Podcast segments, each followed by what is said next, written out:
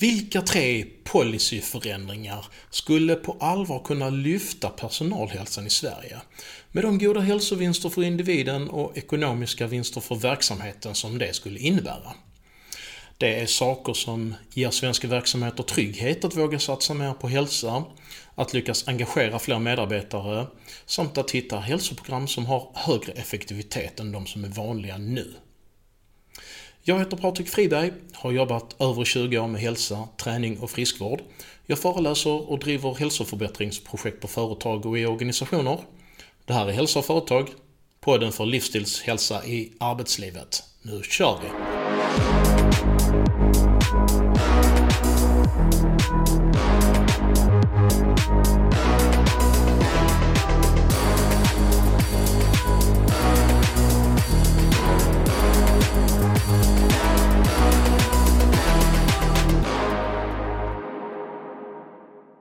Första faktorn är, trots att vi har pratat om den i tidigare avsnitt, så viktig att den förtjänar sin plats även i detta avsnitt. Som nämnts så gjordes en undersökning vid Malmö universitet på institutionen för idrottsvetenskap och den visade att 84% av friskvårdssatsande företag inte utvärderar sina friskvårdsinsatser. Och då vet de således inte hur effektiva insatserna är på att skapa långsiktiga hållbara hälsovanor överhuvudtaget eller per satsad krona. Man vet inte heller om satsningen påverkat produktivitet och sjukkostnader. Problemet med detta är att företag tvingas inskränka hälsoåtgärder till icke kostnadsintensiva satsningar. Taket är ju förstås lågt för satsningar där man inte ser ett mätbart investeringsvärde. Eftersom man inte vet vad som fungerar så tvingas man som sagt ofta skygga för sådana satsningar som kostar lite mer än de typiska uppläggen med friskvårdsbidrag, massage, subventionerade startavgifter till lopp, stegtävlingar och föreläsningar. Friskvården riskerar därför att bli som ett flygplan som taxar runt på en flygplats och bränner bränsle utan att lyfta. Och förmår inte lösa till exempel det gigantiska problem som finns med att nästan hälften av eh, alla yrkesaktiva svenskar har hälsofarligt låg kondition.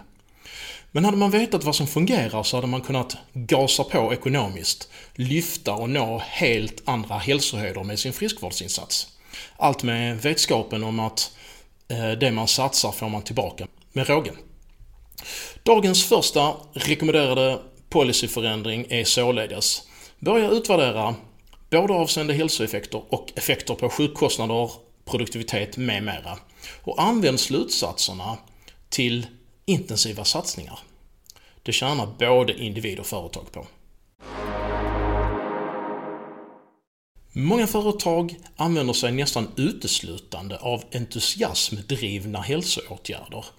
Man satsar på inspirationsföreläsningar, på gemensamma träningspass med ambitionen att få en glädjefylld teambildande stund tillsammans.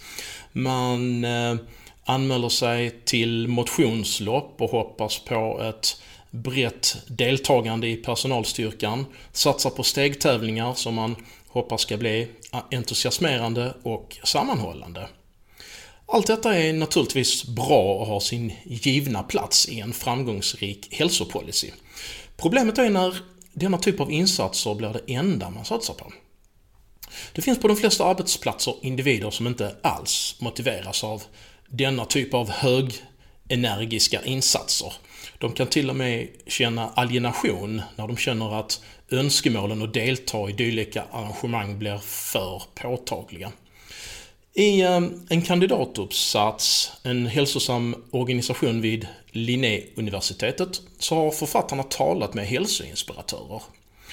Och eh, eh, då skriver författarna att de flesta hälsoinspiratörer tycker det är till stor del samma människor som är med på aktiviteterna. Och att det kan vara svårt att nå ut till fler än de som vanligtvis deltar. Anordnas ett träningspass för personalen så upplever hälsoinspiratörerna att det bara är den grupp av människor som är intresserade av träning som deltar. Kanske är det så att eh, de här företagen satsar för mycket på en likartad form av friskvård som bara är anpassad efter de energiska, redan tränande, sociala, extroverta individerna. Därför eh, är det viktigt för beslutsfattare, hälsoinspiratörer och andra som ansvarar för verksamhetens eh, inriktning av friskvårdsinsatser att också inkludera en annan typ av friskvård. Som gynnar de som föredrar det mer återhållna, lågintensiva och kanske mer privata sättet att förbättra sin hälsa. I linje med detta så borde man respektera dessa individers önskan om att inte delta i de mer entusiasmdrivna och intensiva aktiviteterna. Ett annat skäl att bredda friskvårdstjänsterna i detta avseende är att inspirationsföreläsningar, stegtävlingar och gemensamma friskvårdsdagar inte nödvändigtvis lyckas ge medarbetarna de verktyg som behövs för att kunna genomföra egna träningspass med sån hållbarhet att de också fungerar en regnig novembermorgon. Individuell coaching och utarbetande av personliga tekniker för vidmakthållande av vanor kan vara det som istället ger en sådan hållbarhet. Människor motiveras av olika saker och olika strategier har begränsad räckvidd. Så satsa, satsa inte bara på entusiasmdrivna sociala aktiviteter utan ge de introverta, privata och icke tävlingsbenägna vad de behöver också. Samt ge alla medarbetare verktyg att kunna sköta sin hälsa varaktigt och hållbart. Glöm inte heller det vi pratade om i förra avsnittet att förändringar i den fysiska miljön, subvention och friktion kan också vara väldigt effektiva hälsoinsatser. Dagens andra rekommenderade policyförändring är att komplettera entusiasmdrivna friskvårdsaktiviteter med sånt som passar de introverta. Till exempel coachingsamtal och tänk på att designa fysisk miljö på ett sånt sätt att uppmuntra hälsobeteenden och använd subvention och friktion. Det är vanligt, speciellt i stora organisationer och företag, att binda upp sig i avtal med stora företagshälsor. Det kan vara ett lättadministrerat sätt att få en god kontroll på arbetsmiljöinsatser, få hälsoundersökningar, läkarkontakter och tillgodose behov av expertkompetens på kort varsel när sådan behövs. Det blir då naturligt att låta företagshälsan också stå för friskvårdskomponenterna. Risken är dock att ett sådant generellt ramupplägg inte innehåller alla de specialinsatser som vid olika tillfällen kan vara optimala för att förbättra hälsoläget hos personalen på ett enskilt arbetsställe i en stor verksamhet. Kanske kan små kompetenta friskvårdsleverantörer lättare urskilja behovet på ett enskilt arbetsställe. Externa små aktörer kan också på ett annat sätt få den personliga kontakten med enskilda medarbetare som kan fånga upp hälsorisker som den anställda kanske inte känner sig bekväm med att dela i ett medarbetarsamtal eller med en företagssköterska. Det är naturligt och smidigt att stora verksamheter väljer dessa stora ramavtal.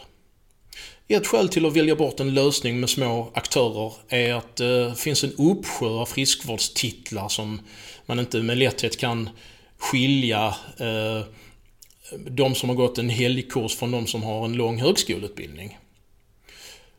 Titlarna låter ungefär likadant i regel.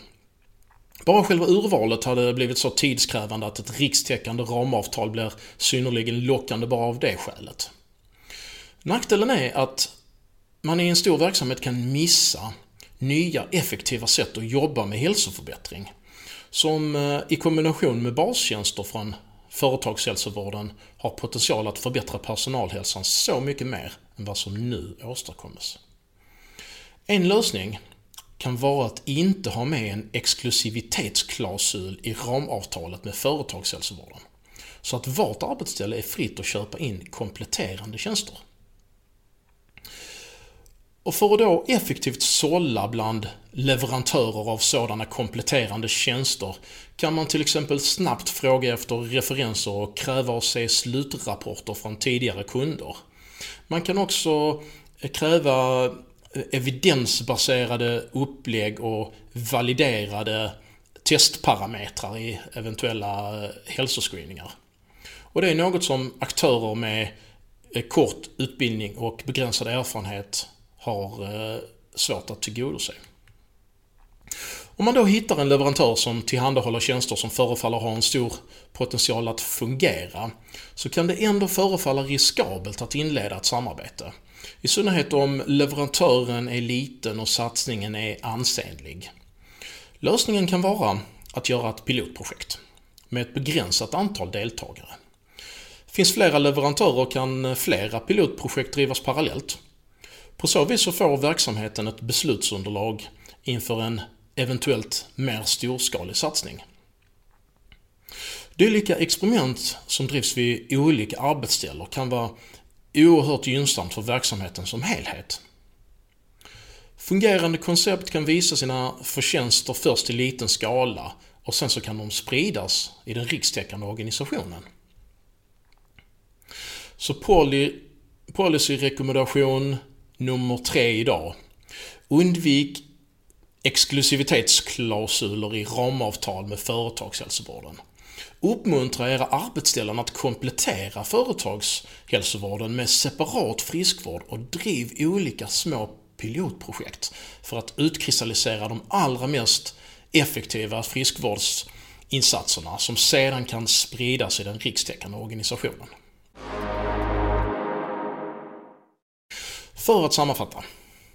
Börja utvärdera hälsosatsningar avseende hälsoeffekter och effekter på produktivitet, sjuktal med mera. Komplettera entusiasmdrivna friskvårdsaktiviteter med sånt som passar de introverta. Och glöm inte att designa fysisk miljö och att använda subvention och friktion. Om det är ett stort företag, undvik exklusivitetsklausuler i ramavtalet med företagshälsan. Driv små lokala pilotprojekt för att särskilja de effektivaste friskvårdsformerna som sen kan spridas i den rikstäckande organisationen. De här tre policyförändringarna har potential att äntligen åstadkomma hälsoförbättringar hos personalen i svenska verksamheter och samtidigt vara riktigt goda investeringar. Tack för att ni lyssnade. Jag heter Patrik Friberg och ni ser mer om mig på patrikfriberg.se Patrik med C. Vi hörs nästa vecka. Ha det gott!